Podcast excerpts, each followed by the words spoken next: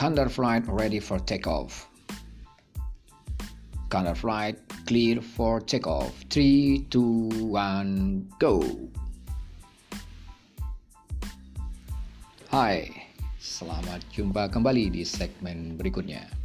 Setelah kemarin eh, beberapa waktu yang lalu kita membahas tentang bagaimana saya bergabung di Angkatan Udara Kali ini saya akan sedikit sharing kepada teman-teman sekalian bagaimana ya saya bergabung menjadi penerbang TNI Angkatan Udara.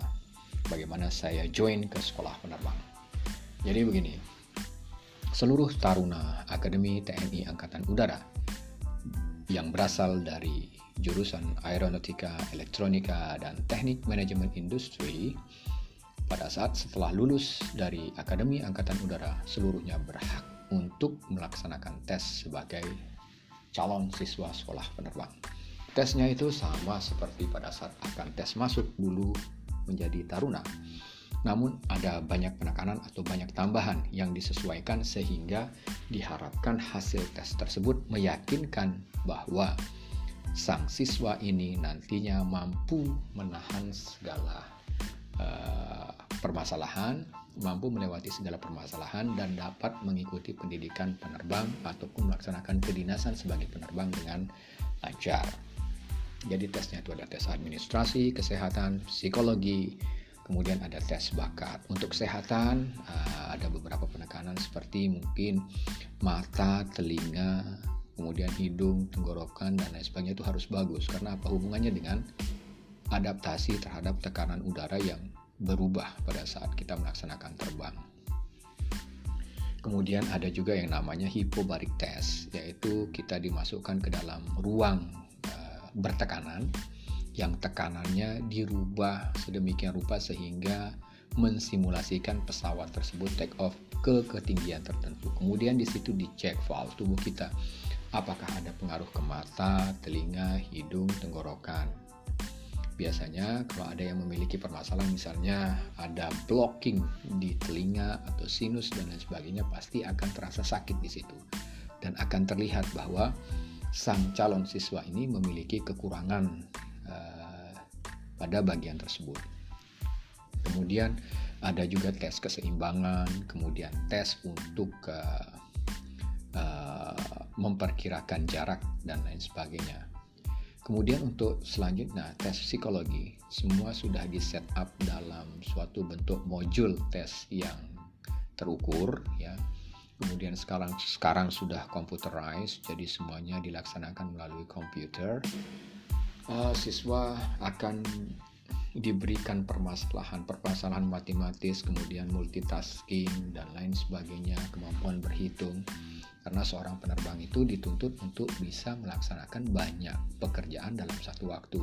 Pada saat kita terbang, kita tidak hanya menerbangkan pesawat, namun di situ ada proses komunikasi antara pilot dengan controller, kemudian pilot dengan wingman-nya, dengan copilotnya, kemudian misi yang dilaksanakan bagaimana penerbangan tersebut, kemudian ditambah lagi jika ada input emergency ya terjadi sesuatu kepada pesawat dia harus mampu menghandle semua itu pada satu waktu ya. Tidak ada yang bisa menolong dia selain dirinya sendiri sehingga standarnya memang agak berbeda dengan standar pada saat masuk ke taruna.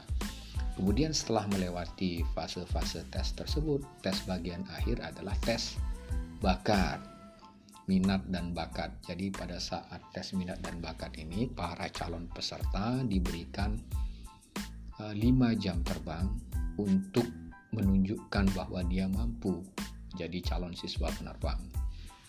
Yang pertama dilihat dari minat minat itu akan terlihat dari semangat semangat dalam melaksanakan terbang sikapnya tough-tough kemudian pembacaan prosedur penghafalan procedures walaupun tidak ditunggu tuntut tetapi kelihatan bahwa siswa yang ingin masuk menjadi siswa penerbang dan siswa yang tidak ingin itu akan sangat terlihat sekali.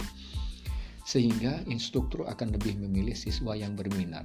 Jika seseorang itu sudah berminat maka sesulit apa pun pendidikan tersebut pasti akan bisa terlewati karena dengan minat itu ada semangat, ada dorongan dari dalam dirinya untuk berhasil.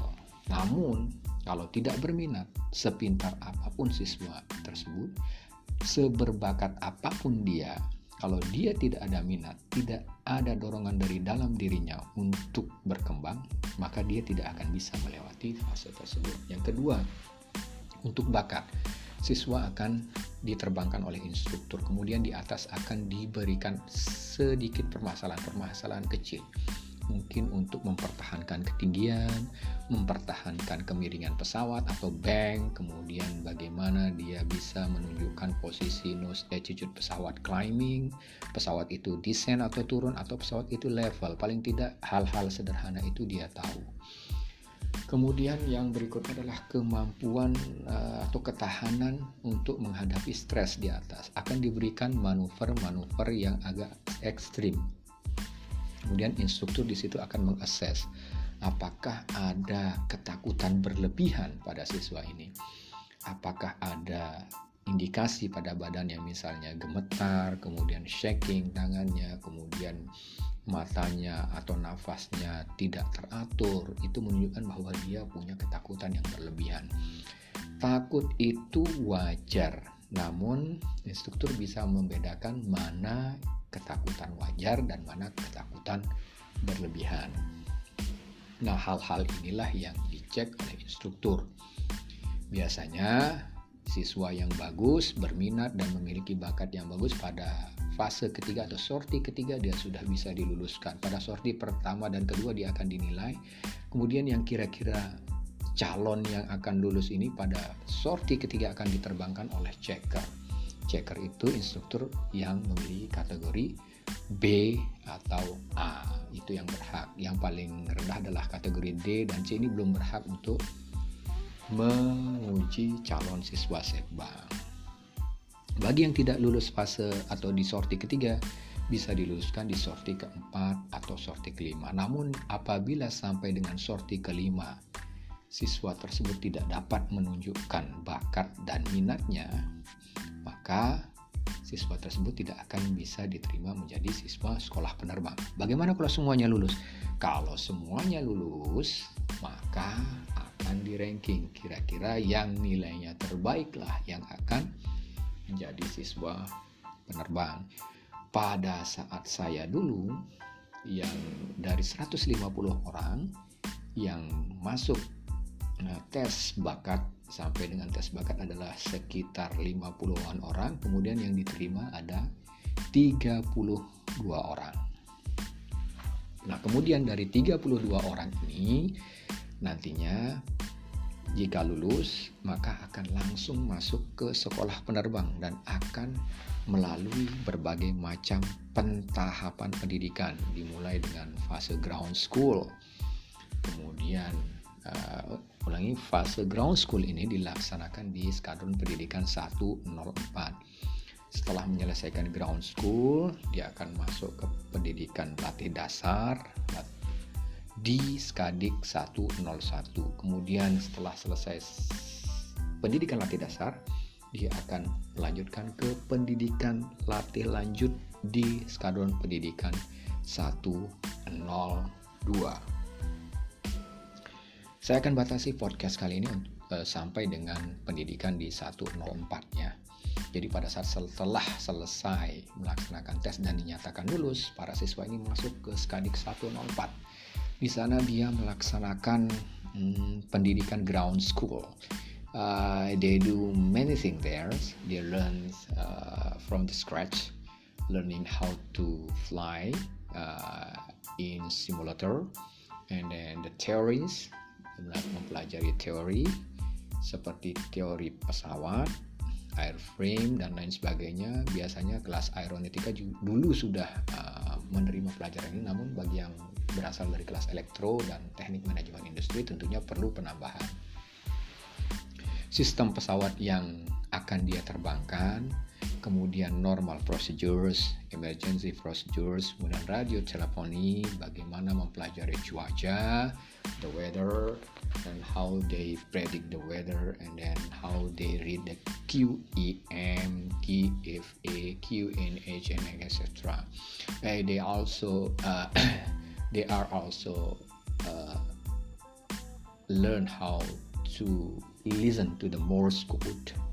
Kemudian dia mereka harus mempelajari uh, berbagai macam uh, ilmu-ilmu penerbangan termasuk hukum-hukum penerbangan undang-undang penerbangan kemudian uh, annex yang ada di ICAO ini International Civil Aviation Organization. Di situ ada manual booknya. Mereka harus mempelajari dari chapter ke chapter bagaimana hukum penerbangan kemudian uh, air navigation regulations yang berlaku secara internasional. Kemudian ilmu-ilmu lainnya yang berhubungan dengan penerbangan. Di Skadik 104 juga mereka uh, diajarkan bagaimana bertahan hidup atau how to survive ketika mereka melaksanakan uh, misi penerbangan kemudian diasumsikan mereka jatuh di suatu tempat kemudian bagaimana mereka melaksanakan seri survival evacuations uh, and escape. Bagaimana mereka menyelamatkan diri pada saat terjadi kondisi emergensi seperti itu bagaimana bertahan hidup di laut, bagaimana bertahan hidup di hutan, dan lain sebagainya. Kemudian mereka baru boleh melaksanakan terbang setelah lulus melaksanakan uji normal procedures dan emergency procedures. Kemudian yang berikutnya mereka juga harus lulus terbang simulator.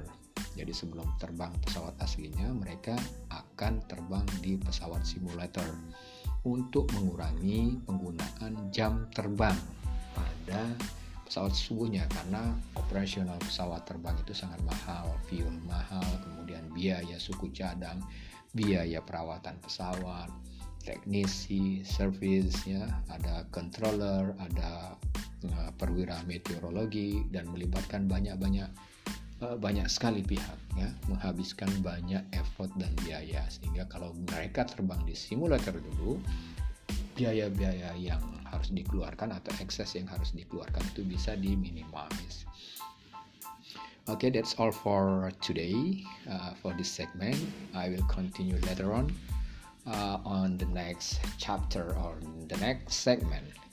It uh, I will tell you uh, about how I conduct uh, basic training uh, school, basic training flying school at 101 Squadron.